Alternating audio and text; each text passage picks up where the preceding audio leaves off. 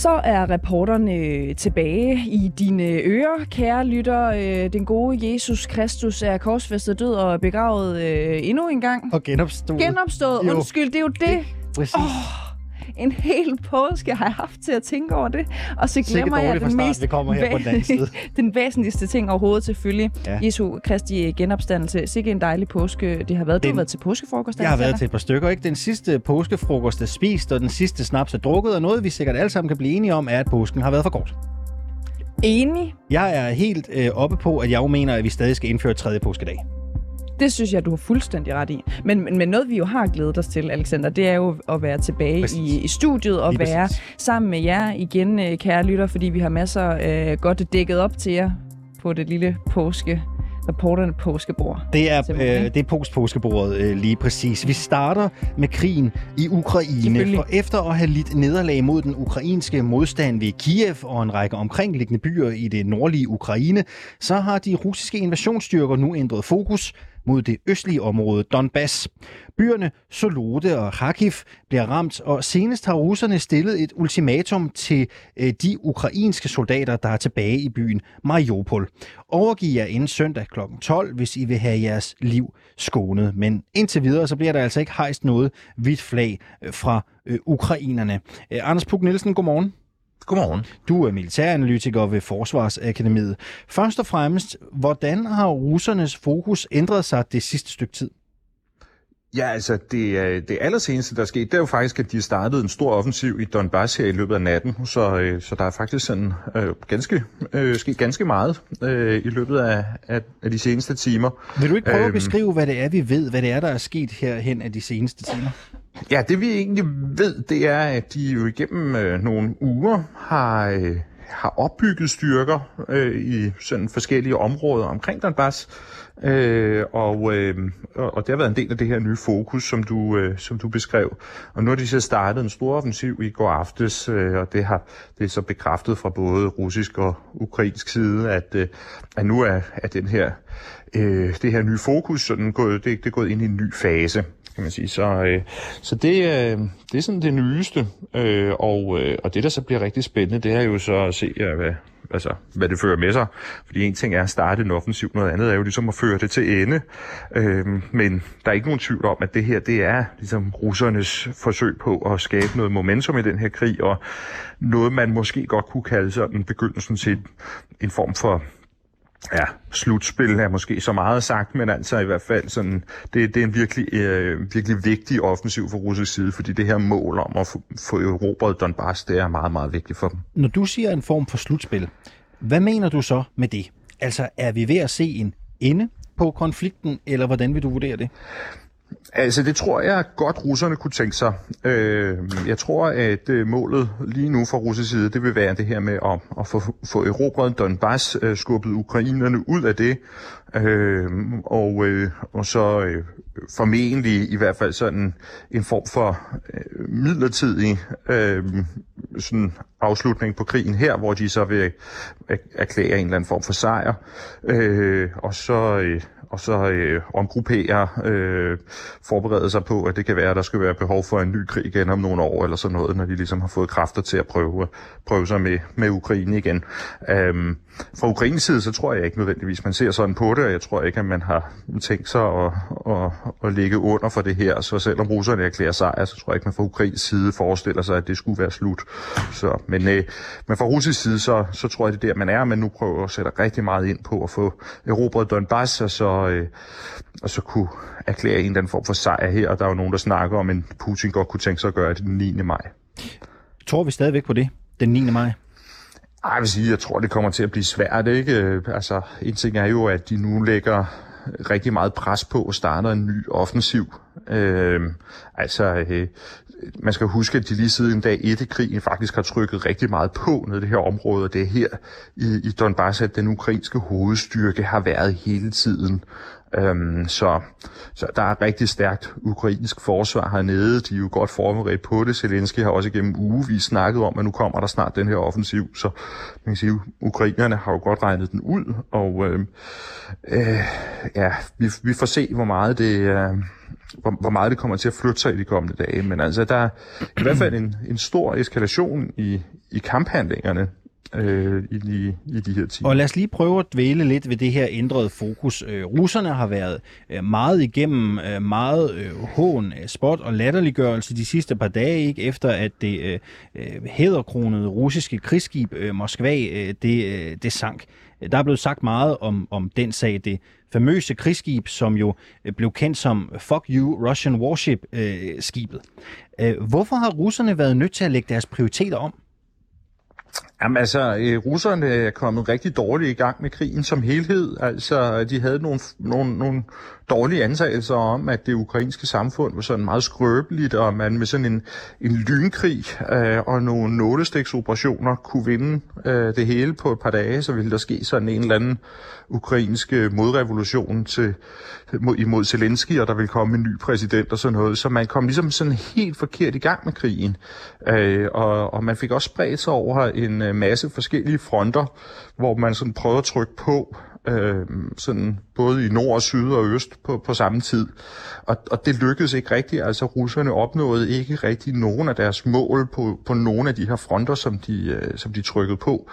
Øhm, og, øh, og efter at de jo sådan en lille måneds tid op ved Kiev havde øh, prøvet og prøvet og prøvet og ikke rigtig kunne komme ned og få fat på byen, så gav de jo op øh, kan man sige. De solgte det på en anden måde, de brugte nogle andre ord, men, men det var nogenlunde det, der skete, øh, og så trak man så styrker ud. Og det er så dem, man så har prøvet nu at få rundt og, og ned mod Donbass, for ligesom at fokusere og så sige, hvis vi skal nå noget som helst, så er vi nødt til at fokusere og samle os.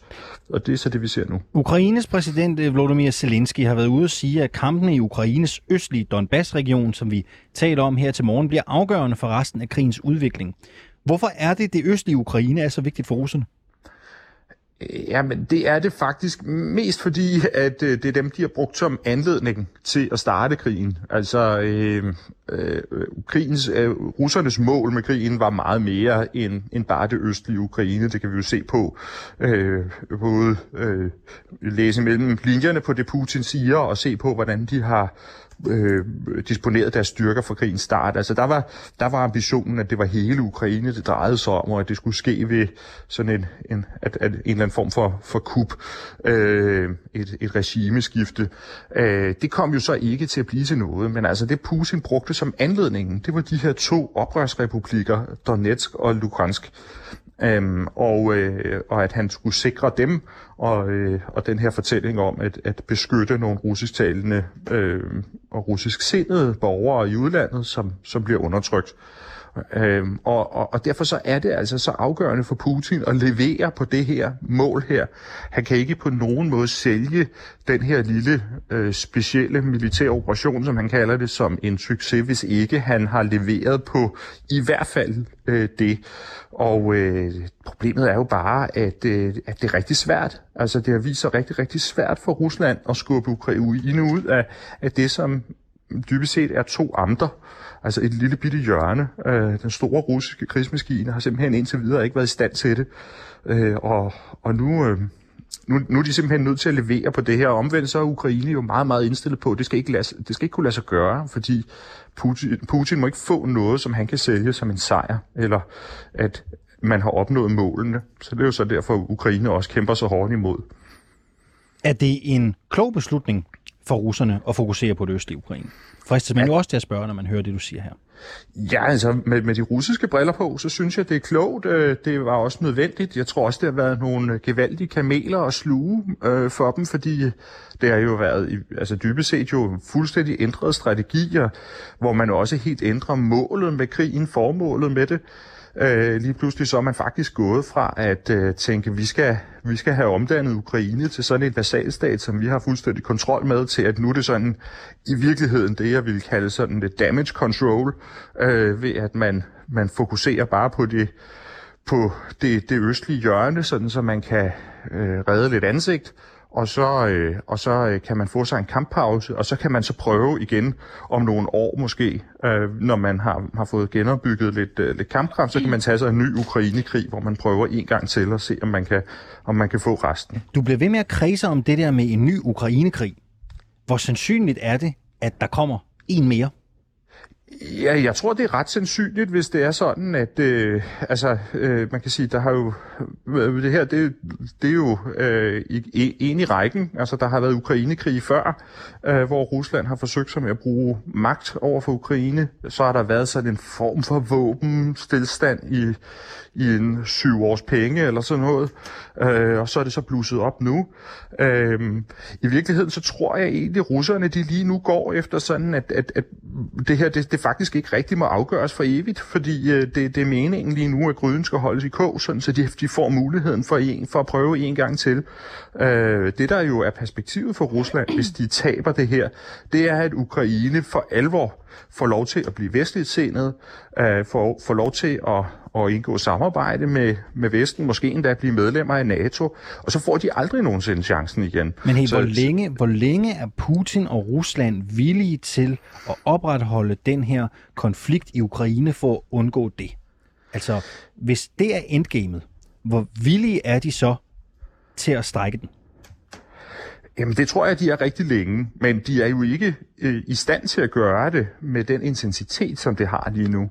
Øh, altså det, det, det trækker simpelthen for store veksler på det russiske forsvar til, at det er holdbart, det, der, det de har gang i lige nu, sådan på den lange bane. Og det er jo derfor, at de har brug for at komme frem til et eller andet punkt, hvor de ligesom kan erklære, at øh, nu, øh, nu er målene opnået, og nu kan vi tage os en kamppause, nu stopper vi de offensive operationer, nu øh, forsvarer vi bare lige det, vi har, og konsoliderer os.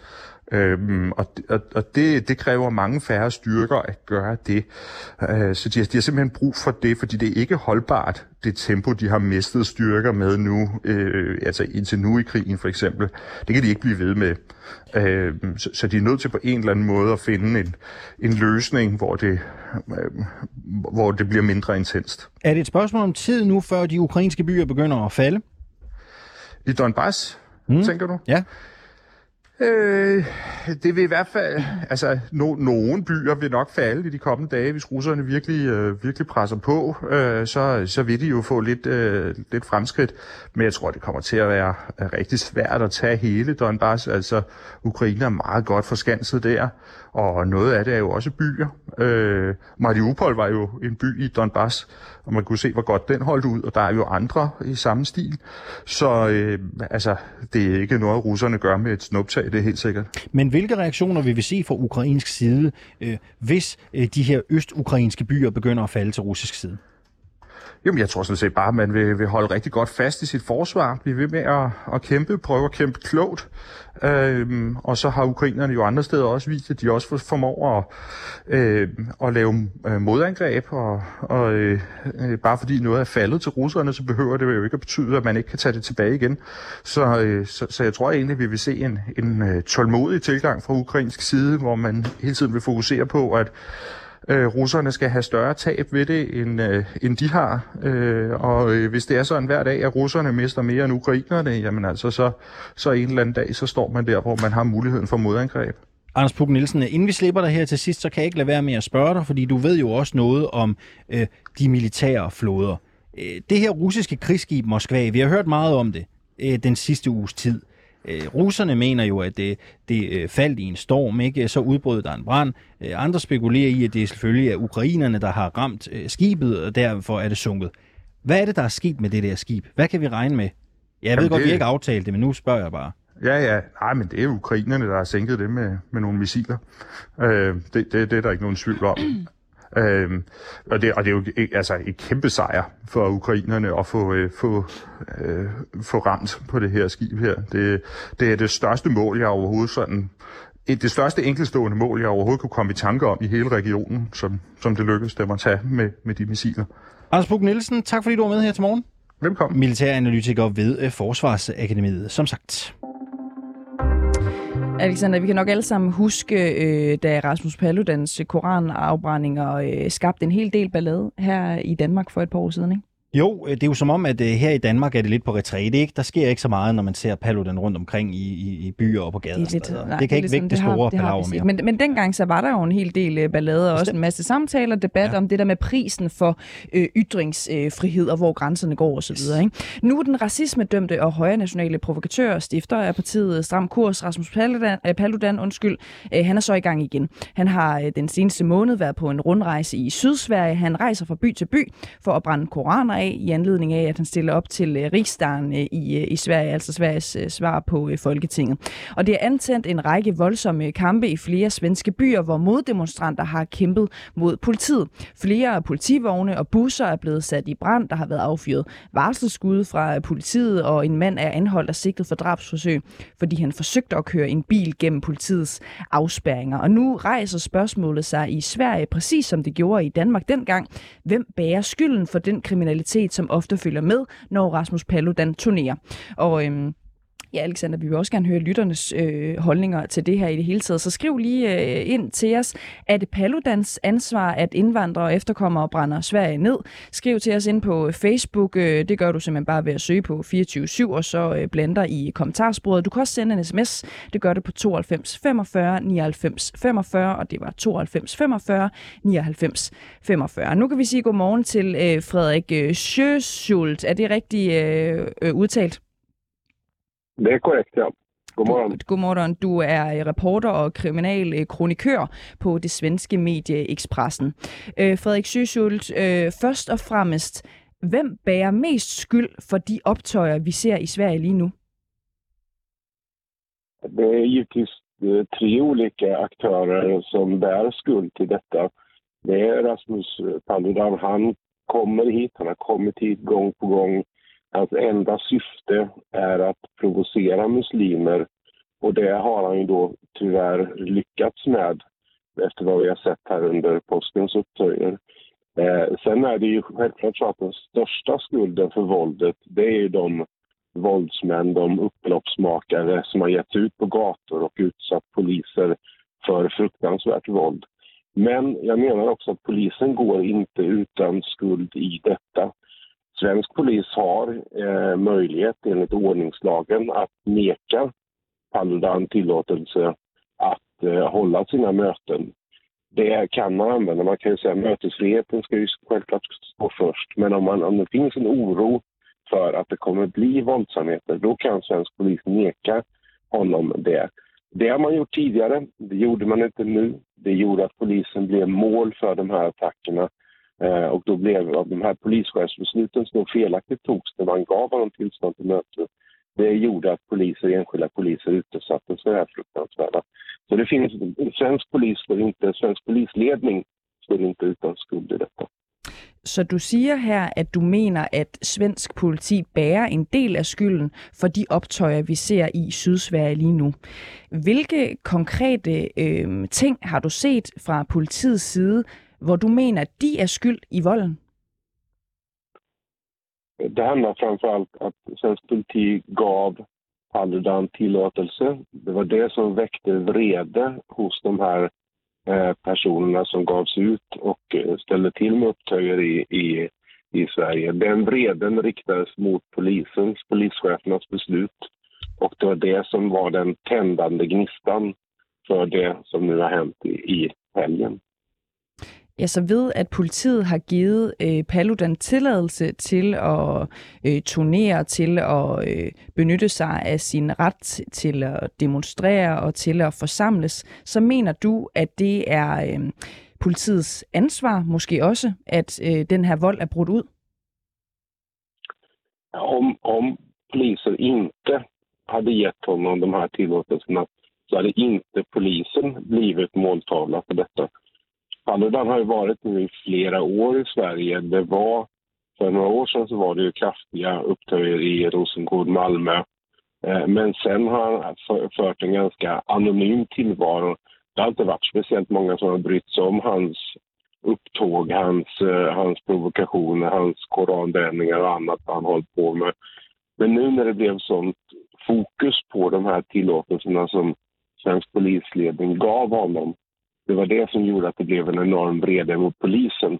Och därför så blev det då en kravaller mellan polis och eh, de här upploppsmakarna i de här utsatta områdena. Mm. Sen har Sverige också en omfattande problem med bandekriminalitet. Det var ju just i dessa områden där problemen är som störst som det nu blev også opdaget. Men er det ikke vigtigt, at politiet kan varetage deres øh, opgaver og agere som ja, det, de er, politi, nogen som sikrer lov og orden, og samtidig giver folket retten til, at de kan forsamles, og de kan demonstrere for eksempel?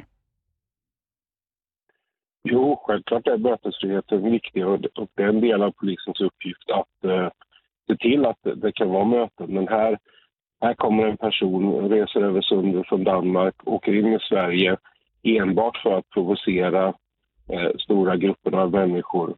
Och, och då borde man inte ge honom de här upprepade tillstånden för de här mötena. För det, det, det handlar bara om att provocera, det handlar bara om att han vill ha den här typen av reaktioner. Eh, och då, då måste man se det. Det finns en svensk ordningslag där finns det eh, möjlighet att neka de här tillstånden.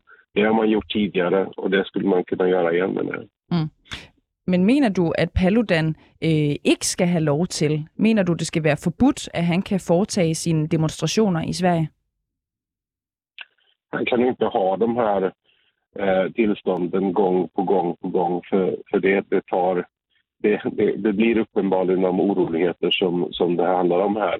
Och då får man antingen neka honom eller så får man köra honom till platser där, där han får hålla sina möten där polisen bedömer att det kan vara eh, möjligt. Han har ju annat hållit till i närheten av Öresundsbron. Istället så söker han sig till de områden där han vet att han provocerar som mm. mest. Men mener du, at Paludan ikke skal have lov til at øh, udøve sin øh, ret til at demonstrere i Sverige? Han, han, får ju söka tillstånd och han får ju säkert en del möten men att han väljer att, väljer att söka sig de områden där han vet att det kan bli upptöjer. Då får han, han kan hålla sina möten när han, när han kan köras ut till exempel i närheten av Öresundsbron eller så på andra ställen. Men, men det här, det som pågår nu kan ju inte fortsätta, det är uppenbart så. Så jeg spørger dig lige igen, bare lige for at vi er helt skarpe på det. Mener du, at Paludan ikke skal have mulighed for at foretage sine demonstrationer i Sverige? Enligt svensk ordningslag så har svensk polis möjlighet att neka den här typen av möten om det finns risk för mm. upptöjer. Men vad syns du? Att det, ska polisen, det, det menar jag på att det ska polisen ta hänsyn till. Man måste väga mötesfriheten mot risken för oroligheter. Det är bara... väga risken för oroligheter över. Frederik Sjøschult, øh, det er simpelthen bare fordi, øh, i Danmark, der øh, må Paludan jo demonstrere, og han må brænde koraner, og han må kaste med dem. Det er, jo en, det er jo en del af den ytringsfrihed, vi har i samfundet. Ikke? Og så må politiet beskytte ham så godt, som de kan. Øhm, det, det er bare for at, at blive lidt klogere på, hvad folkestemningen egentlig er i Sverige. Derfor spørger vi dig, den måde Paludan demonstrerer på og har demonstreret på i Sverige, hvor han har forsøgt og ønsker at sætte ild til en koran eller gøre andre ting, Mener du, at han burde have lov til det, eller mener du, at han ikke burde have lov til det? De här mötena som uppenbarligen bara syftar till att provocera muslimer eh, och som då söker sig till områden där man då kan uppenbarligen utgå från att det kommer bli oroligheter.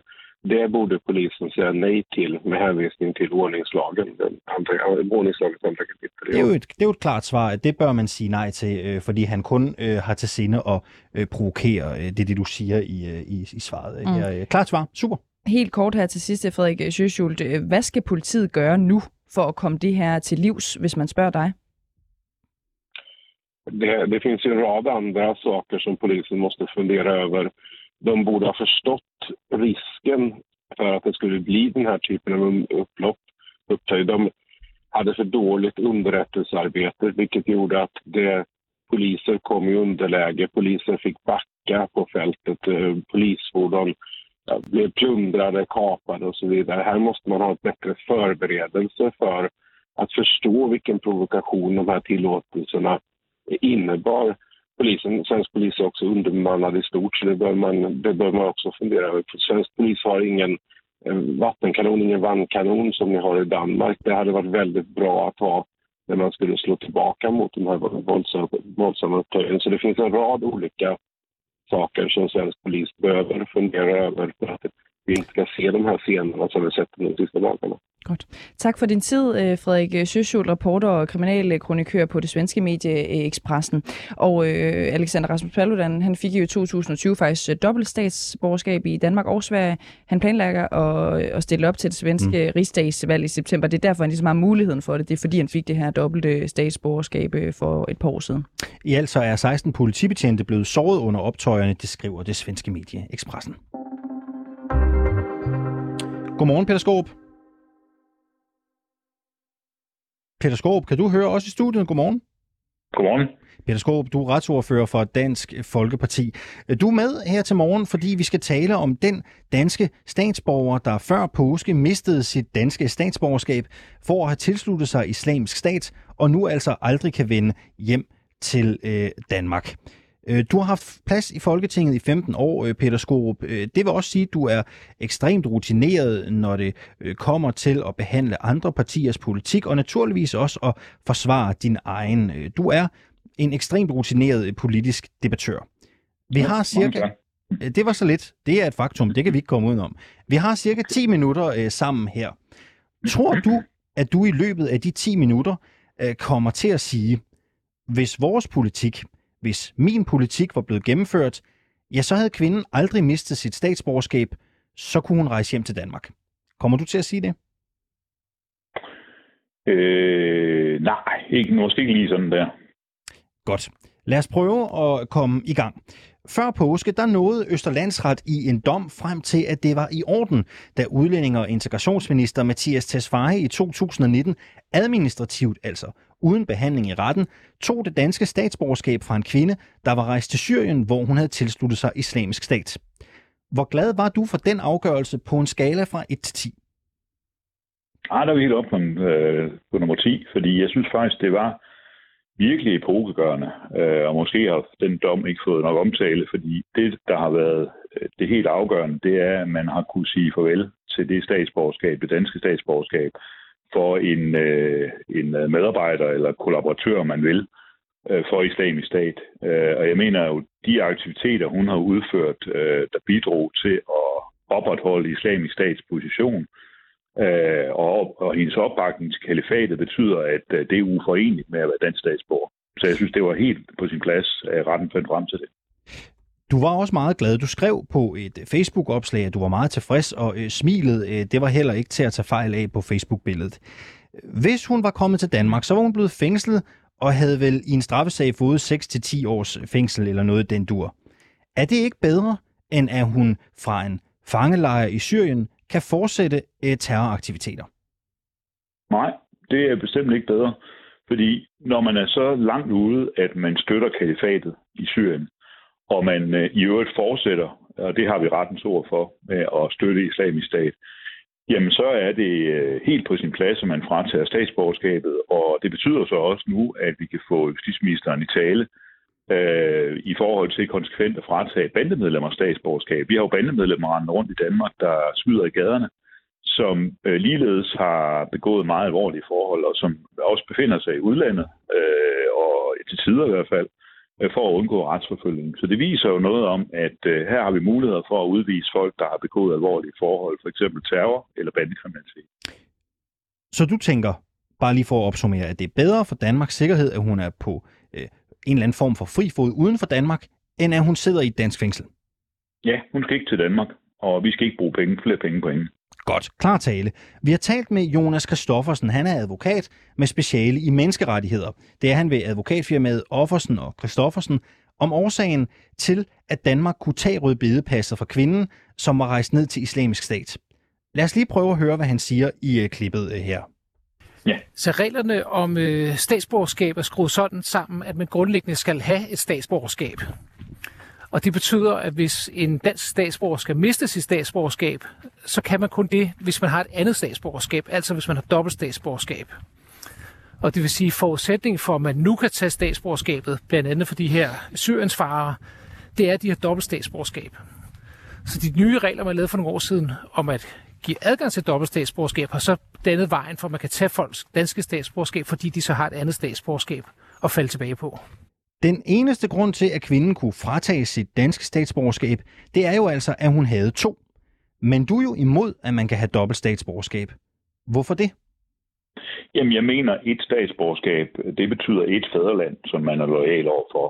Og, og så er det jo fint, hvis der er nogle positive bivirkninger ved et uh, dobbelt statsborgerskab, sådan så at, at nogen kan udvises. Men det vil man jo også kunne få gennemført, hvis øh, vi for eksempel trådte ud af statsborgerskabskonventionen og statsløsekonventionen i Danmark. Og det er der jo faktisk andre europæiske lande, der, der, der heller ikke er med i de konventioner. Så, så jeg synes, det er noget fjollet argument, hvis man påstår, at at vi så melder os ud af internationalt øh, samfund, det internationale samfund i hele taget, hvis vi, hvis vi tager kontrollen tilbage på vores udlændingepolitik. Og det er jo faktisk det, det handler om her. Så hvis DF's politik var gældende, det skal lige være klar, du retter mig, hvis jeg tager fejl her, ja. så var det forbudt ja. at have to statsborgerskaber, og så kunne hun ikke fratage sit danske. Så var det forbudt at have to statsborgerskaber, øh, men så kunne vi samtidig godt fratage et statsborgerskab, fordi så var øh, vi ikke medlem af statsborgerskabskonventionen, øh, som betyder, at man har den her situation i dag. Jeg kan så lige tilføje, at der faktisk findes i, allerede i dag muligheder for, og derfor Jonas måske, jeg er ikke, måske heller ikke helt præcis spurgt til, så præcis her, men, men der findes faktisk mulighed for også at fratage statsborgerskabet, hvis man kun har det danske statsborgerskab. Det er der eksempler på øh, ved, ved svig, svindel, øh, omkring opnåelsen af statsborgerskabet. Så, så det er ikke helt rigtigt. Men jeg mener grundlæggende, at, øh, at vi skal udtræde af statsborgerskabskonventionen, øh, fordi det betyder i dag, at, øh, at han har ret, at der kan være problemer med at fratage et statsborgerskab, hvis man ikke har det andet at falde tilbage på. Det, det, er, det jeg hører dig sige her er, dit argument er, at vi kunne gøre hende øh, statsløs. Det, det var en mulighed, man kunne fratage øh, det danske statsborgerskab, dermed kunne hun blive statsløs. Det er der jo ikke flertal for i Folketinget. Det er bare for at være skarpe. Ja. Erkender du, at hvis vi havde fulgt Dansk Folkepartis politik, så havde damen her kun haft et statsborgerskab, sandsynligvis det danske, og så havde vi jo ikke kunne tage det fra hende. Nej, det erkender jeg ikke. Fordi jeg mener, vi har den politik, at vi også vil øh, samtidig med at stoppe muligheden for at tildele dobbeltstatsborgerskab, som skaber alvorlig tvivl hos de tildelte vedrørende deres loyalitet til Danmark grundlæggende, så mener jeg samtidig, at vi skal udtræde af statsborgerskabskonventionen, fordi den på. giver altså det her problem. Peter Skåb, men, men lad os lige prøve at følge de politiske vinde, der nogle gange blæser i Danmark. Der er ikke flertal for det, øh, du plæderer for i Folketinget. Så jeg spørger lige igen. Hvis vi havde fuldt Dansk Folkepartis politik, det I ønsker, sådan som det politiske landskab er i Danmark i dag, så havde kvinden her haft et statsborgerskab, det danske, og det havde vi ikke kunne tage fra hende. Jamen, det, er, det er altså ikke korrekt, fordi hvis man har fuldt Dansk Folkepartis politik, så havde vi ikke haft den her fuldstændig mærkelige situation, at man kan have flere statsborgerskaber.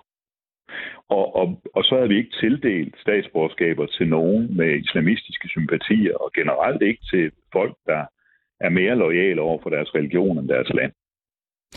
Men nu er situationen jo bare en anden i det danske politiske landskab i dag. Og hvis man ser på det politiske landskab med de briller, så havde vi jo ikke kunne tage det danske statsborgerskab fra hende.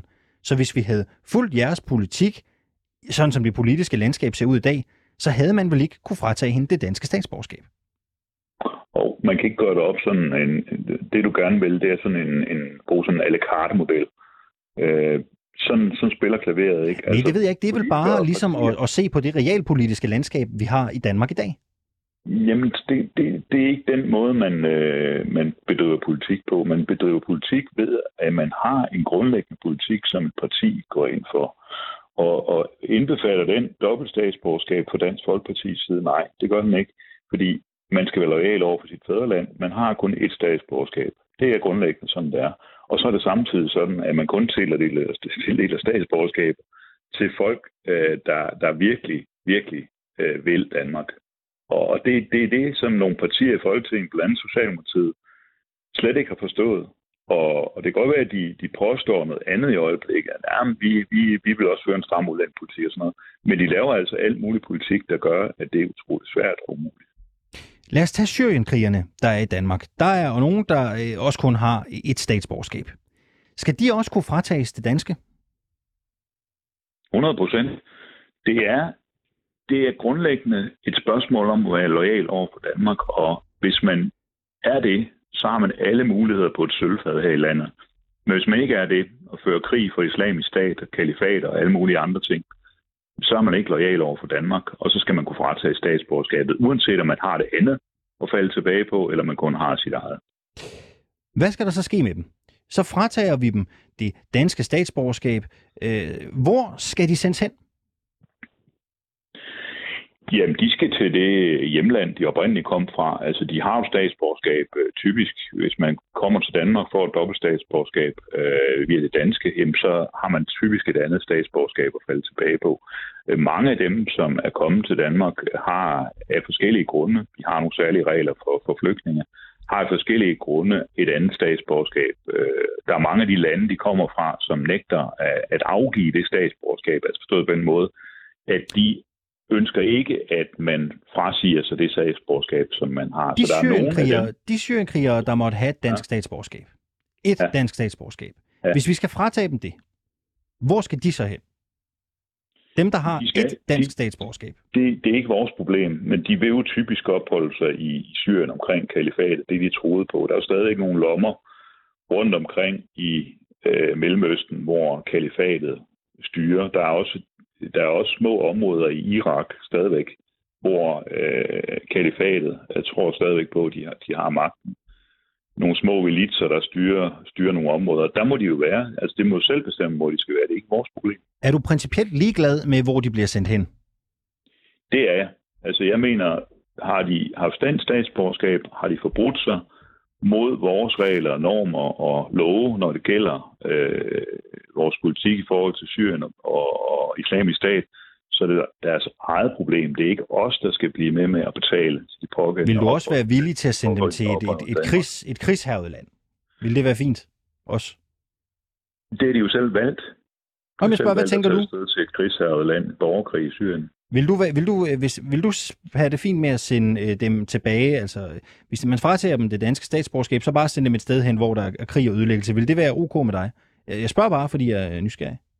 Det er deres valg. Altså, jeg, nu i pågældende tilfælde, jeg sender ikke, øh, jeg sender ikke den pågældende nogen bestemte steder hen. Øh, det, vi, vi har frataget mm. statsborgerskabet, fordi øh, hun øh, tilhører islamisk stat og kalifatet. Det er det, retten har besluttet sig for. Peter Skorup, øh, du er retsordfører for Dansk Folkeparti. Tak fordi du var med her til morgen. Selv tak. Jeg sagde ikke lige præcis det, du bad mig om, men øh, jeg sagde min mening. Og det er måske i virkeligheden også det vigtigste, ikke? Tak fordi du var med her til morgen. Ja, lige måde.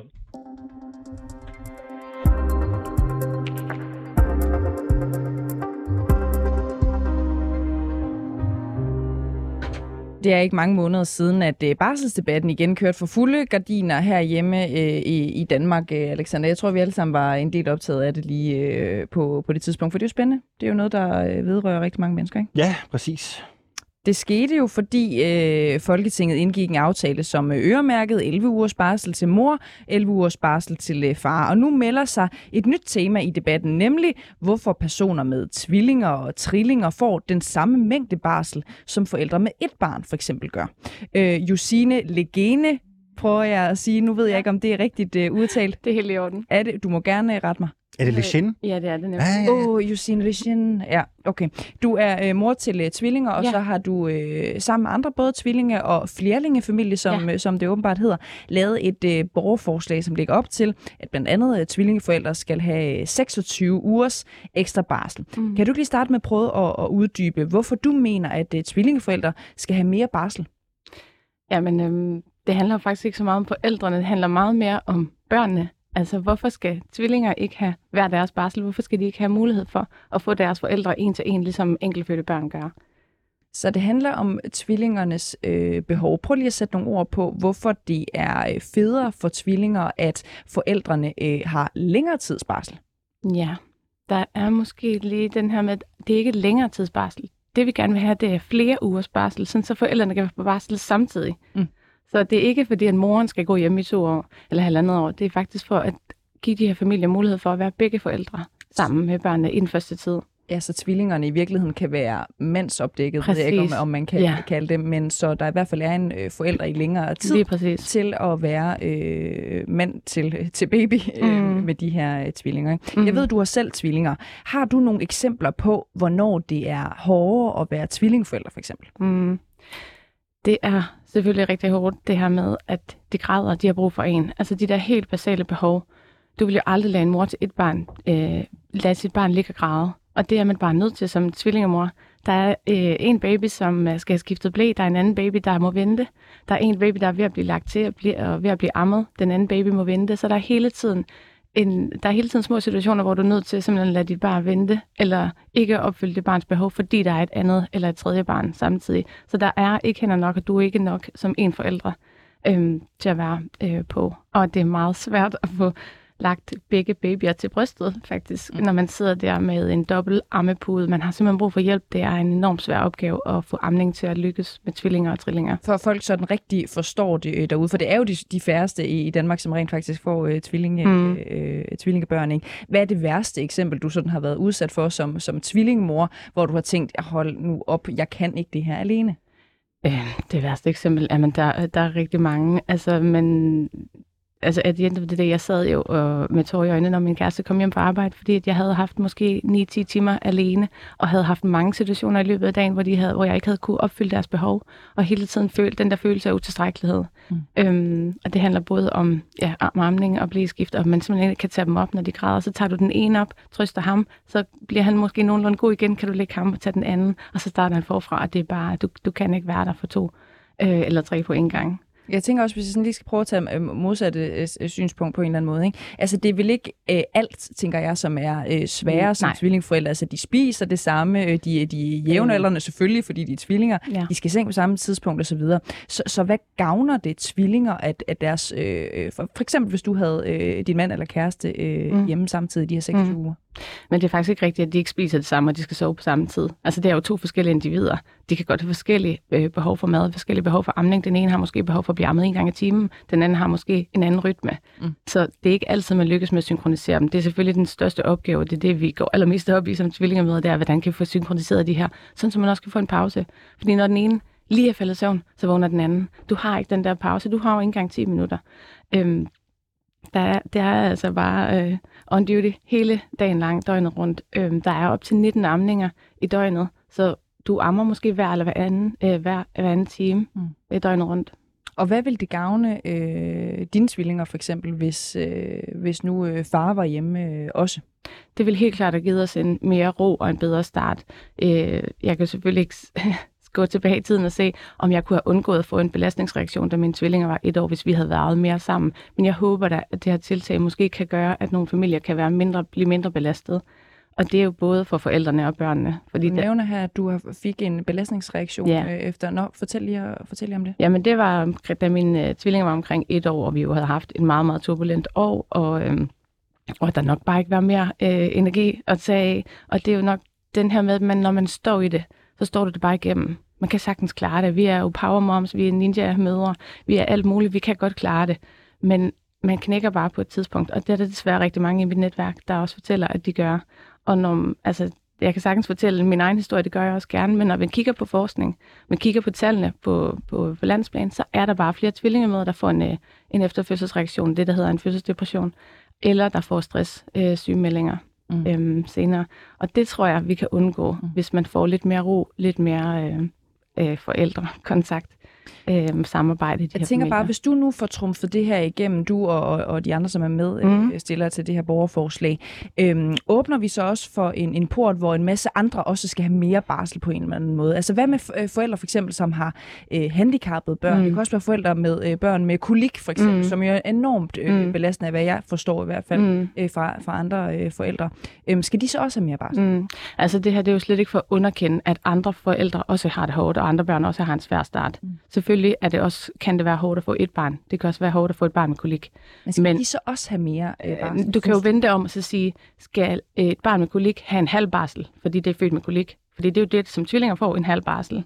Så hvis man vender den om, så giver det måske et lidt andet billede. Selvfølgelig skal tvillinger ikke dele en barsel. Mm. Mm. Selvfølgelig skal de have, sådan så der er nok til begge.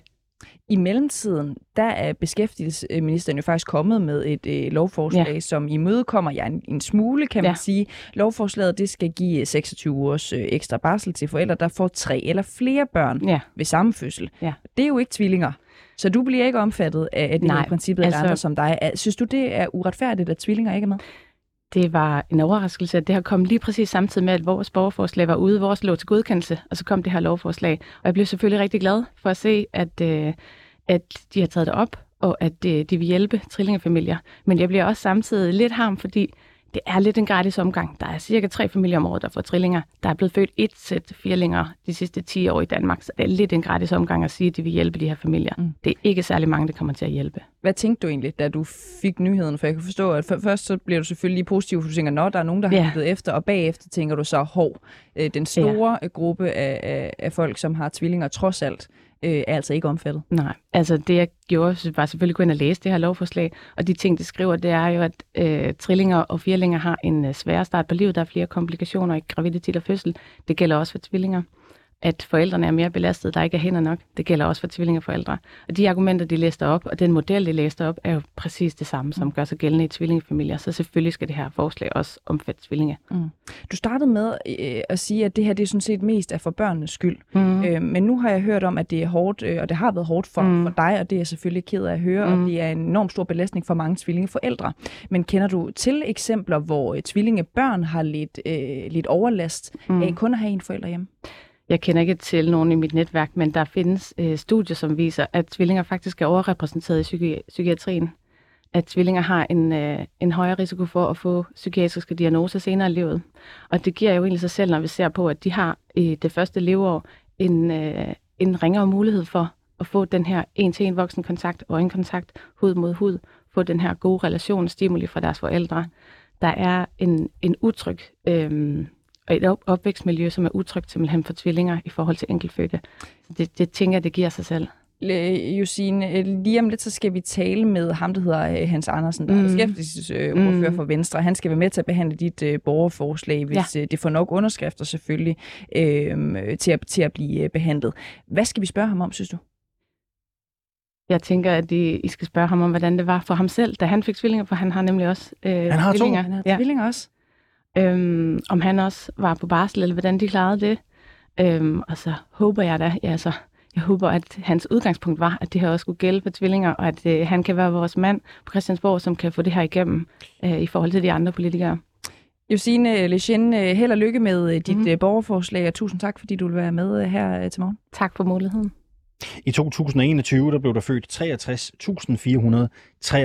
børn, og der fødes hvert år cirka 1000 sæt tvillinger og under 10 sæt trillinger og firlinger i Danmark. Og lad os lige øh, for en god ordens skyld få med, at det borgerforslag, mm-hmm. der kører lige nu, det har nået 32.201 underskrifter her klokken øh, 6 minutter i øh, 8. Lige præcis. Og beskæftigelsesministeren lægger altså op til, at forældre, der får tre eller flere børn ved samme fødsel, skal have 26 ugers ekstra barsel. Men tvillingeforældre, de er ikke omfattet af det her lovforslag, som vi hører. Øh, og det er utilfredsstillende, sagde Josin øh, Lechen for et øjeblik siden. Vi vil også gerne høre din mening. Skal forældre med tvillinger eller trillinger have mere barsel? Skriv til os på Facebook. Du søger 24-7 og kommer med din kommentar i live-feedet derunder, hvor vi sender. Du kan også sende en sms på 92 45 99 45. Hans Andersen, godmorgen og velkommen. Godmorgen. Du er beskæftigelsesordfører, det er du hos Venstre. Du er jo fortaler for det her lovforslag fra beskæftigelsesministeren, som altså ønsker at give forældre, der får tre eller flere børn, 26 ugers ekstra barsel. Øhm, skal tvillinger indgå, hvis man spørger dig? Øh, det korte svar er nej. Hvorfor? Øhm, fordi det her lovforslag handler om trillinger og, og, og, og firlinge forældre. Og det udspringer konkret af, at jeg har fået en mail fra et forældrepar, der havde været igennem at få øh, trillinger, og det var de selvfølgelig glade for. Men de skrev også til mig, at det havde været rigtig, rigtig hårdt. Øh, at, øh, at de ville ønske, at øh, forældre, der i fremtiden fik øh, trillinger og firlinger, kunne få en, øh, en længere periode, hvor de, hvor de kunne være hjemme begge to. Men lige... og, øh, og på baggrund af det, så tog jeg det jo, den mail Den tog jeg med til, øh, til beskæftigelsesministeren, og, øh, og så vil jeg anbefale jer, at, øh, at vi kiggede ind i, i det, og, og jeg er meget tilfreds med det lovforslag, der Lad os, nu ligger og nu sendt i høring. lad os prøve at dvæle ved det borgerforslag, det borgerforslag, der bliver indsamlet underskrifter til nu, som vil give tvillingeforældre ret til at få 26 ugers ekstra barsel. Hvis vi tager det borgerforslag, er du for eller imod det? Ja, som udgangspunkt er jeg, kan jeg ikke støtte det, fordi jeg kan ikke pege på øh, den finansiering, der skal til for at, øh, at imødekomme det. Jeg, jeg har fuld forståelse. Jeg er selv øh, far til et øh, øh, sæt tvillinger øh, på snart 6 år, og, øh, og jeg kan godt huske, at det var øh, hårdt, specielt for min hustru, fordi min det var hustru, der, der var hjemme i, i begyndelsen. Jeg havde selv, selv øh, tre måneders overlov øh, lidt senere. Men, men det, var, det var rigtigt. Der, det var hårdt. Det- Øh, men, men, men jeg har bare ikke, og nu er det lidt, lidt skønt på hoften, de 250-300 millioner kroner, det ville koste at, øh, at imødekomme, at vi også fik øh, øh, mere barsel, hvis man fik øh, tvillinger. Er det det, det Øhm, koster? Så, ja, det er noget af den, det er noget af den størrelsesorden. Mm. Øhm, og øh, og den, den finansiering kan jeg ikke pege på her nu. Så når du spørger mig lige nu, så, så kan jeg ikke støtte det. Men, men jeg håber da på, at de får underskrifter nok til, at vi kan øh, drøfte det i Folketinget. Og, øh, og så er det da sådan, at, øh, at så må vi jo se, øh, når vi får drøftet det og få regnet på det, og, øh, og se på, om det, om det er noget, vi kan, øh, om det er noget, der kan imødekommes, når vi kommer til øh, finanslovsforhandlingerne for, for 23. Det er jo bare fordi, Men- der, men bliver det- født, øh, der bliver født under 10 sæt trillinger og firlinger i Danmark hvert år, øh, og så bliver der født 1000 sæt tvillinger. Øh, Det er jo derfor måske mange af de her øh, tvillingeforældre, de tænker, at det er lidt af en gratis omgang, ikke? fordi så mange er der jo ikke, som føder trillinger eller firlinger. Kan du godt forstå den frustration? Nej, jeg synes, det er svært ved at forstå, at de ikke kan glædes over, at de forældre, der også får trillinger og firlinger, at, at de ikke, hvad skal man sige, de nu får, får øh, en, en noget ekstra hjælp, eller en mulighed for at få en længere overlov. Øh, helt konkret 26 ugers ekstra øh, overlov, til de kan fordele mellem dem. Det er svært ved at forstå, at Nej, jeg, jeg, tror godt, de, over. jeg tror godt, de kan glæde sig. Det var også det, øh, Josine Lechin sagde i interviewet for et øjeblik siden. Men der er så få, ikke, hvor der er tusind sæt tvillinger. Altså, kan du, godt, kan du godt forstå, hvis der er en stor gruppe i samfundet, eller en større gruppe, som føler sig lidt forbigået? Jeg vil sige på den måde, at, at, at nu må vi drøfte borgerforslaget, ikke? Øh, men, men de må også have en forståelse Men, for, men lad os lige, lad os lige blive ved spørgsmålet. Lad os lige blive ved spørgsmålet. Ja eller nej? Ja. Kan du godt forstå, hvis der er en gruppe tvillingeforældre, der bliver født 1000 sæt tvillinger om året, der bliver kun født cirka 10 sæt trillinger og firlinger. Kan du godt forstå, hvis der er en større gruppe af samfundet, af forældrene, som føler sig forbigået ved, at de ikke får de her muligheder? Er det bare ja eller nej? Nej, jeg kan godt forstå, at de gerne vil have ekstra overlov. Jeg er bare nødt til at sige, at jeg har ikke 250 millioner her tirsdag morgen til at mødekomme ønsket. Så når du spørger mig, kan jeg støtte det her umiddelbart, her og nu, så må jeg jo bare sige, det kan jeg ikke, for jeg er nødt til at have tingene til at passe at du har ikke håber jeg pengene, du har ikke pengene, er faktisk det, du siger, Hans Andersen. Vi hører også, at tvillingebørn er overrepræsenteret i psykiatrien. Forældre er tilbøjelige til at få stress, depression og belastningsreaktioner. Øhm, tror du ikke, det kommer til at koste mere på den lange bane? Jo, det er jo sådan noget, vi kan få afklaret, når vi får borgerforslaget til behandling i Folketinget. Så kan vi jo få afklaret både, hvad det koster umiddelbart, men jo også, hvad, hvad, øh, om, om, om de følgevirkninger, der er af, at ja, det er rigtig hårdt at være tvillingforældre. Om det også afspejler sig i, i, i hvad skal man sige, følgevirkningerne, og lad os, og lad os få afdækket det. Godt. Og så må vi jo tage en drøftelse af, om vi kan, om vi kan i de fremtidige finanslov også imødekomme det ønske. Jeg glæder mig bare over i dag, at, at reglerne er jo i dag sådan, at man får ikke ekstra overlov, selvom man får tre eller fire børn på én gang. Hans Andersen, Og øh, vi løber tør det for det, tid, og nu. vi løber tør for tid. Tak fordi du var med her til morgen, altså beskæftigelsesordfører for, øh, for øh, Venstre.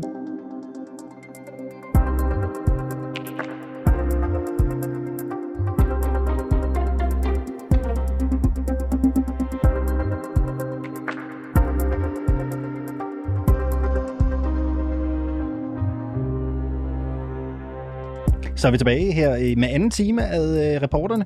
Først øh, dag tilbage efter påske. Nogen vil kalde det tredje påskedag. Vi kalder det bare tirsdag. Vi hedder Cecilie Lang. Og jeg hedder Alexander Vils Lorentzen. Du er så unfair, du gør det her ved mig. Hvorfor er det, der er så sjovt? Er det mit, er det, var det mit, mit franske intro bagom? Den var nemlig bagom, og det er derfor, jeg ligner en idiot nu jo, ikke? På ingen måde. Det var nemlig bagom til vores producer, Mathias Stilling, som holder styr på øh, knapperne øh, i dag. Lige om øh, kort øjeblik, 20 minutter, Alexander, cirka, mm. så er det krig i Europa. Så hæng øh, på, hvis du er meget øh, specifikt øh, interesseret i det, ikke? Ja, øh, og måske i virkeligheden mere interesseret i, hvordan de russiske oligarker egentlig opbevarer deres midler. Det er så vildt. Det er det, det skal handle det om i dag. Det er så vildt. Øh, de internationale, eller de vestlige, kan vi vel godt kalde dem, sanktioner mod Rusland, indebærer jo blandt andet, at vi indefrosser oligarkernes midler, deres værdigenstande. Man kan jo ikke se en stor jagt i en havn i dag, uden at tænke, den må være russisk. Nej, det tænker man jo bare Mm. på definition. Det dykker vi ned i sammen med en journalist for politikken, som ved rigtig meget om det. Du lytter til øh, reporterne her på 24 Mit navn det er Cecilie Lange. Og jeg hedder Alexander Vils Lorentzen. Og i dag der starter det første ud af i alt 17 retsmøder i en øh, sag, hvor en 31-årig kvinde er tiltalt for at drive 28 bordeller spredt over hele Jylland for at hvidvaske bunker af beskidte kroner, for falske papirer og for at have tjent øh, millioner på at få udenlandske kvinder til Danmark for at sælge sex. Det er en af Danmarks historiens største sager om rufferi, hvidvask og dokumentfalsk, og i øvrigt også forsikringsvindel, som jeg så vi øh, kigger ind i her hos øh, reporterne. Vores reporter Camilla Michelle Mikkelsen er taget til Esbjerg, hvor hun øh, klokken 9 skal ind og overvære den her afhøring. Godmorgen, Camilla Michelle Mikkelsen. Godmorgen til jer. Øhm, Camilla Michelle Mikkelsen, nu ridser jeg jo lige helt kort op, hvad kvinden sådan overordnet er tiltalt for, men prøv lige at uddybe for os. Hvad er det mere konkret, man skal finde ud af øh, i retten i Esbjerg, om kvinden er skyldig i? Jamen, du er lige præcis inde på, at det handler om hvidvask, roferi, dokumentfalsk og forsikringssvindel. Og det her, det strækker sig altså over en periode på tre år og to måneder. Hun har angiveligt tjent 6 millioner kroner. Øhm, og ud af de her 6 millioner, så er hun altså tiltalt for at have hvidvasket godt og vel 2 millioner kroner af de penge. Og øh, under covid-19-lockdown, hvor vi alle sammen jo sad hjemme i vores lejligheder og slet ikke kunne komme ud af landet, der har hun altså fløjet udenlandske kvinder til Danmark for at sælge sex. Det lyder jo, øhm, og nu er jeg jo ikke ekspert i, øh, hvad skal man sige, rufferi-virksomhed, men det lyder jo rimelig omfattende det her. Det er sket mange forskellige øh, steder. Hvad ved vi om, øh, hvor stort øh, en forretning det her har været? Jamen altså, vi ved jo, at hun i, som minimum har tjent de her 6 millioner kroner, så det er en kæmpe forretning. Det er kun det, der ligesom er dokumenteret. Derudover så er der allerede øh, en, øh, en familiefar på 37, der er, øh, der er tiltalt og nu også sigtet. Så hun har altså en medsammensvorne. Så det er ikke bare hende alene. Det er et stort netværk, der har kørt. Han er idømt 10 måneders fængsel og øh, 150 timers samfundstjeneste. Og det handler om 28 bordeller, de simpelthen har drevet over hele Jylland. Syv i Esbjerg, hvor jeg står lige nu, og så de resterende 21 fordelt rundt omkring i Jylland. Mm. Det lyder jo nærmest som et øh, bordel-imperium. Øh, 6 millioner kroner ved vi, at, øh, at den her kvinde har, har fået øh, ud af det. Hvem er hun? Hvem er den her kvinde, som har fået det her til at køre? Jamen, det er virkelig det er et godt spørgsmål, fordi når man kigger ned i det her anklageskrift, så får man et indtryk af, at hun er hardcore kriminel. Altså, som du siger, det er et bordel-imperium. Men udover det, nu har jeg jo været i Esbjerg faktisk øh, over weekenden også, så jeg har været rundt på nogle af de her massageklinikker og tale med folk. Øhm, hun er enormt veluddannet. De kalder hende en erhvervskvinde. Hun har haft en tøjbutik fyldt med sådan luksusvarer nede i Esbjerg. Det er sådan, øh, jeg var forbi og kigge, den er gået konkurs nu. Men man kan se, der har været galatøj, det var glitter, det var farver, det var sådan meget ekstravagante kjoler. Øhm, og ja, den her tøjbutik, den er ligesom nøglen til det dokumentfalsk, som hun er tiltalt for. Fordi hun har nemlig lavet falske kontrakter for at få de her udlandske kvinder flået ind i Danmark, under dække i, at de skulle øh, arbejde i hendes tøjbutik. Men i virkeligheden så arbejdede de jo så som sexarbejdere. Hvis man så bare tager turen tilbage til, til barndommen. Hendes forældre er indere, og de er kommet til Danmark, da hun var, da hun var ung. De har levet under sådan meget trænge kår. Rejst rundt i forskellige lande i Asien først, hvor de har haft øh, en forretning med tøj, og de har haft sådan kiosker med fødevarer. Og da de så kom til Danmark, så skulle de simpelthen starte helt fra scratch. De bor 8 måneder i en lille trailerpark i en lille jysby uden for Esbjerg. Og her bor de så sammen med en anden familie, omkring 20 mennesker i den her trailer. Der er ikke nogen af børnene, der kommer i skole eller på sprogskole, og forældrene kommer heller ikke i arbejde. Øhm, og det, som jeg så ligesom kan forstå på de her mennesker, jeg har talt med, det er, at kvinden, hun agerer, som er et barn på det tidspunkt, hun agerer tolk for hele familien. Øh, fordi hun simpelthen er den eneste, der kan tale engelsk. Hun får så ud af det selv, øh, pigen her, at hun kan komme i skole. Så hun kommer i folkeskole, hun kommer i gymnasie, og hun ender faktisk også med at tage en øh, universitetsuddannelse. Så hun klarer det ligesom godt sammenlignet med resten af familien, som i den her trailerpark angiveligt skulle have mistet troen på, at de kunne få et godt liv i Danmark. Men øhm, hun læser HA på universitetet, og hun får en interesse for økonomi og for handel. Og så har jeg talt med en, der beskriver hende som, altså hun, er, hun var god i skolen, hun fik topkarakterer, hun var enormt engageret og dygtig inden for entrep- entreprenørskab, undskyld. Øhm, hun fortæller også, at hun i gymnasiet ligesom øh, tjente sine egne penge, så hun faktisk kunne købe en bil. Og jeg ved ikke med jer, men altså jeg kunne i hvert fald ikke betale for en bil i Nej, gymnasiet. heller ikke her. Heller ikke her. Så hun har klaret det godt. Det lyder jo som om, at det du siger her, Camilla Michelle Mikkelsen, altså at det er jo nærmest en, businesskvinde. Jeg ved godt, det er ulovligt, det hun har gjort, men, men hun, det virker til, at hun har øh, startet, startet fra, fra bunden og, og bygget sig op. Øh, ved vi, hvad hun har brugt de her penge på, som hun har øh, tjent igennem den her ulovlige forretning, formentlig, som, som hun er tiltalt for? Ja, altså vi er lidt nødt til at tale om faktisk, hvordan hun ser ud. Fordi hun ser enormt dyr ud, kvinden her. Nå. Hun øh, går op i sit udseende. Hun er forfængelig. Hun går op i succes. Hun har filler, botox, langt, flot øh, hår med extensions. Øhm, derudover så dokumenterer anklageskriftet jo, at hun har brugt enorme summer på netop altså beauty, på smykker, på tasker, elektronik også faktisk. Men for eksempel så har hun været i Mellemøsten, og der har hun købt smykker for over 107.000 kroner i en butik, og det hele er betalt kontant. Hun har købt tasker i Ilum for 44.000 kroner. Der er også en taske i Gucci til knap 17.000 kroner. Altså, I ved, I får en fornemmelse af, at hun kan godt lide, hun kan godt lide mærker, og hun kan godt lide, at det hele er lidt lækkert. Mm. Øhm, jeg kan jo ikke lade være med at, at tænke på, nu, nu, nu fortæller du det omfattende svindel. Vi ved, at hun har ikke øh, gjort det alene, hun har haft en med sammensvoren. Jeg er en lille smule... Øh, hvad skal man sige, interesseret i de her udenlandske kvinder, som, øh, som hun har fået til Danmark for at ja, give dem et, et falsk øh, kontrakt og, og få dem til at sælge øh, sex. Ved vi noget om, hvad forholdene har været for, for de kvinder? Jeg ved lidt, men det ved jeg udelukkende baseret på, øh, på dem, jeg har talt med mm. i de her massageklinikker, jeg har været forbi.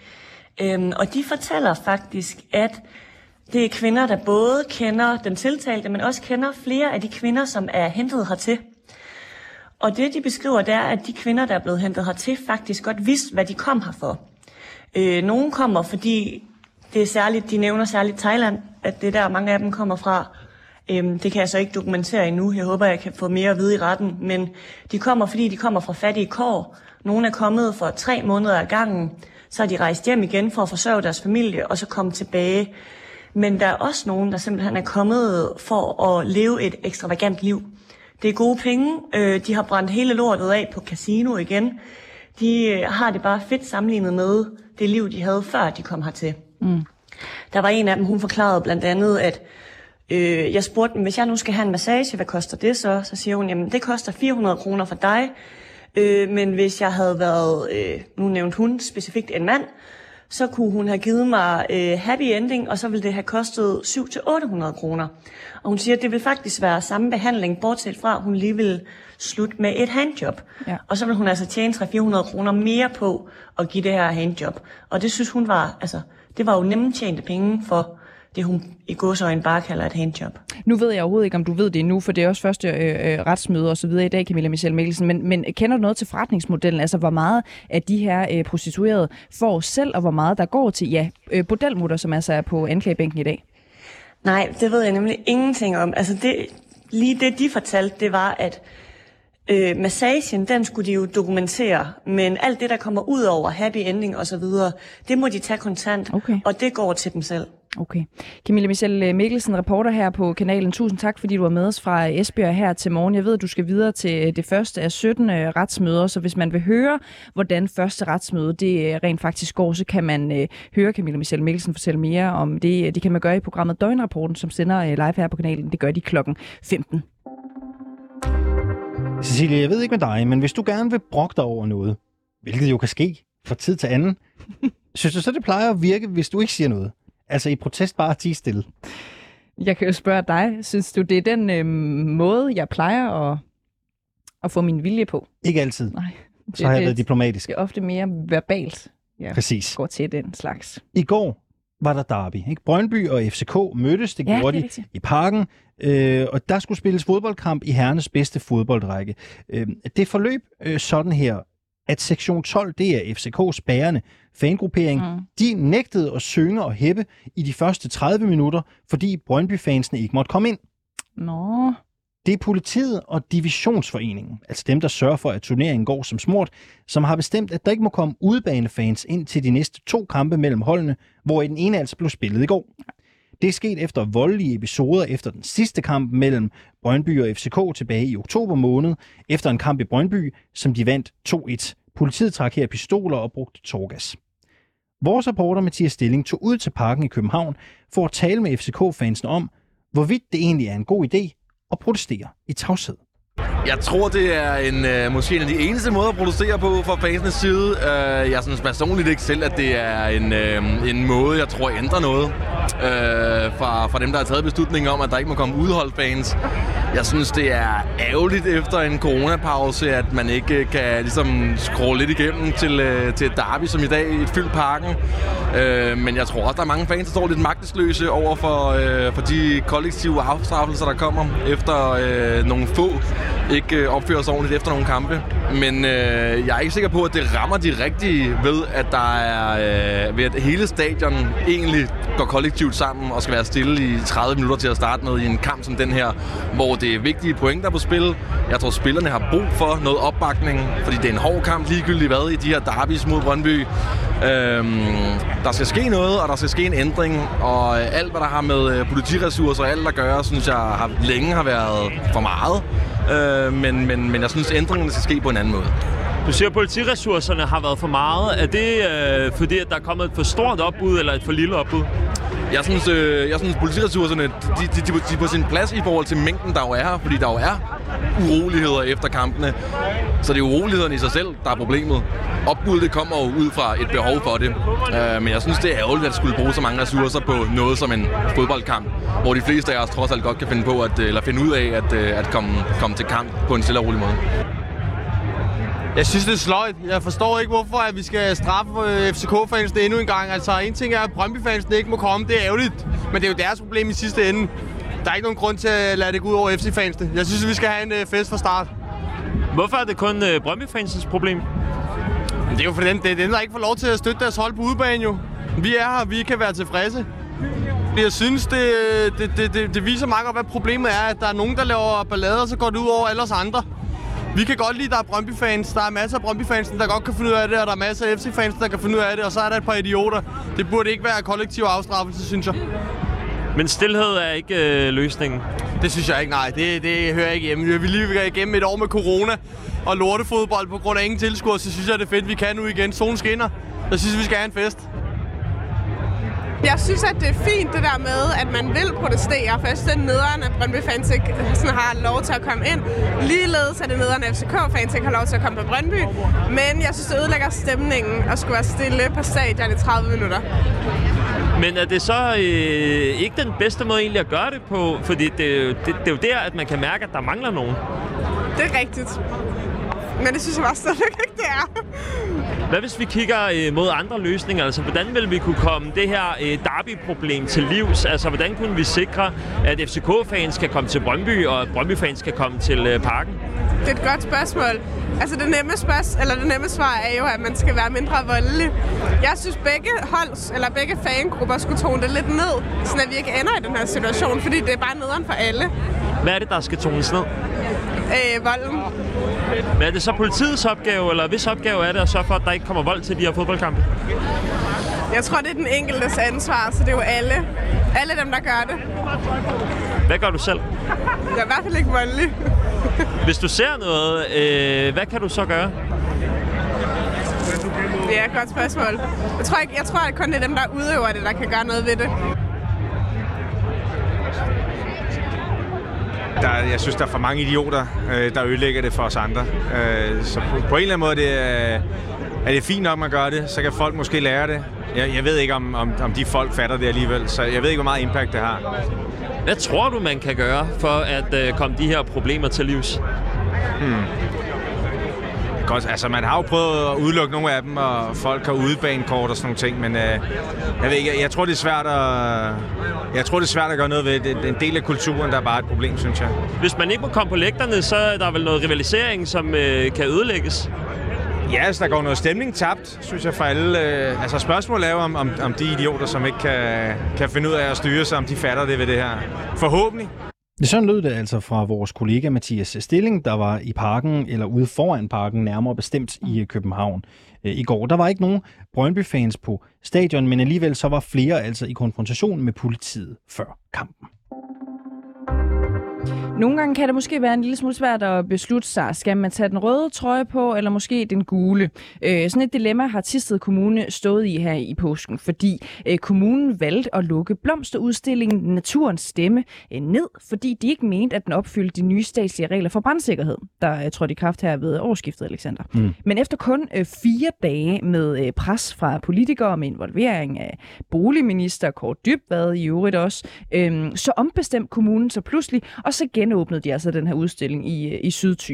Vores reporter i området, øh, altså i Thy, Mette Hove, har været smut forbi den her udstilling for at undersøge, hvad der egentlig ligger bag.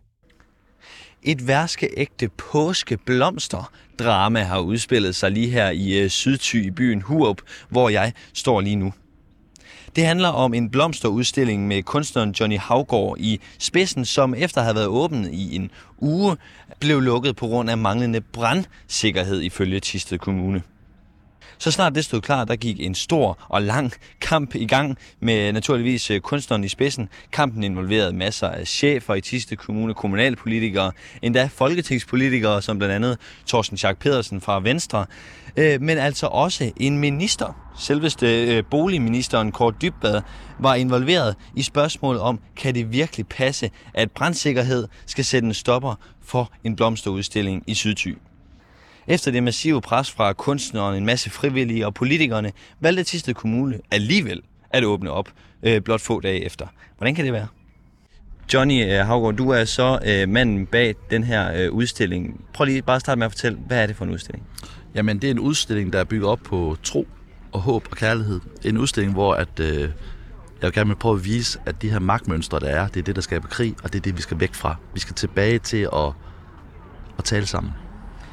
Og så kan jeg så spørge, nu siger du, det handler om håb. Hvor meget håb havde du i mandags, da, da udstillingen lige pludselig måtte lukke, på grund af, at der ikke rigtig var styr på brandreglerne? Øh, altså, jeg havde... Øh, altså, jeg har ikke på et eneste minut følt mig utryg i det her. Jeg synes faktisk, jeg var sådan håbefuld hele vejen igennem. Men jeg har aldrig sådan oplevet sådan en styrke. Altså også for andre. Det har været øh, kun fordi, vi har nogle fantastiske frivillige, der står bag. Og jeg har bare kunnet mærke, at de er med. Alle er med. Men prøv lige at fortælle lidt om din følelse. I har været i gang i en, øh, i en uges tid siden øh, 4. april, og pludselig mandag i påsken, hvor I altså virkelig skulle, øh, skulle fyre den af. Så lukkede din udstilling, og det gjorde den helt ind til, til torsdag. Hva, hvilke tanker gik det gennem hovedet på dig? Altså, først så nu bruger jeg lige et bandeord, så tænkte jeg, det kan fandme ikke passe. Og det er fordi, vi har i kulturen, vi har slåsset to år med corona, og det er dem, der har betalt prisen. Altså, der er, det har været så stinkhammerende dyrt. Og nu kunne jeg endelig betale min moms, jeg har fået sat til side i to år. Og så lukker de! og det var jeg tænkte, jamen det er da ikke, det kan man da ikke.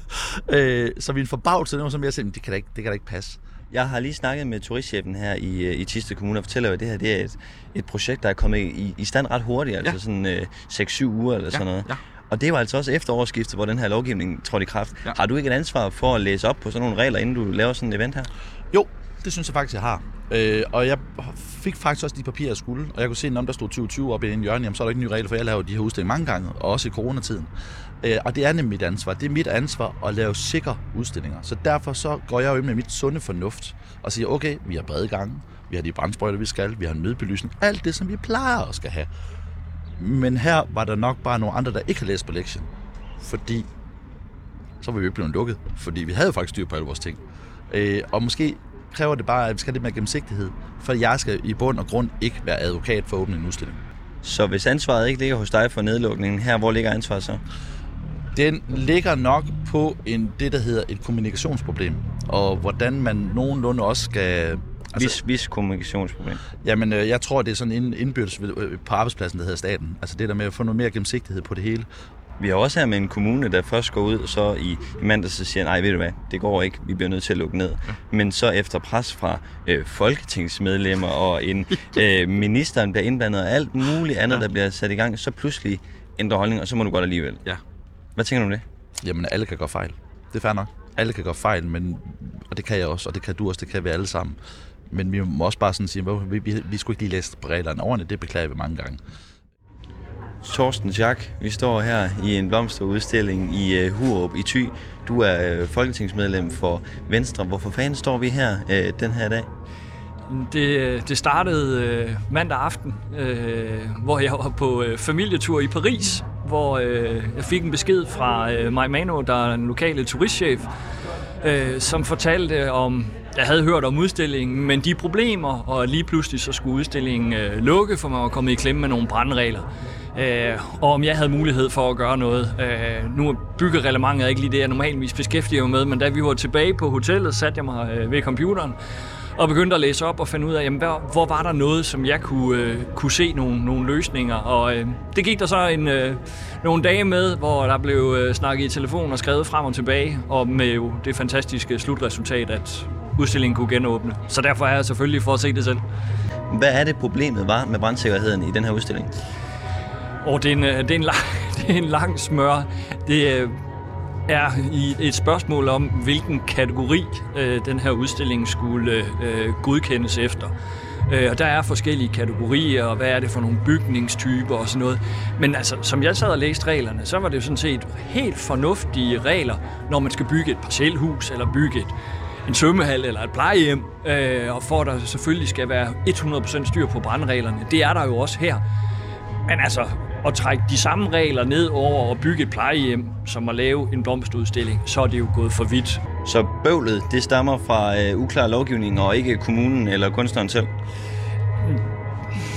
Det er der nok, sådan, øh, det er der nok flere bud på. Men uanset hvad, øh, så skal den her situation ikke kunne opstå igen. Og jeg tror, noget af det vigtigste er at få skabt klarhed. Men har vi ikke også haft at gøre med en lidt ubeslutsom kommune, der først øh, hæver nogle regler frem efter udstillingen har været i gang en uge, og så pludselig, når du træder ind i den, og ministeren bliver indkaldt, uha, så går det ikke alligevel? Eller hvad sker der med Tiste Kommune?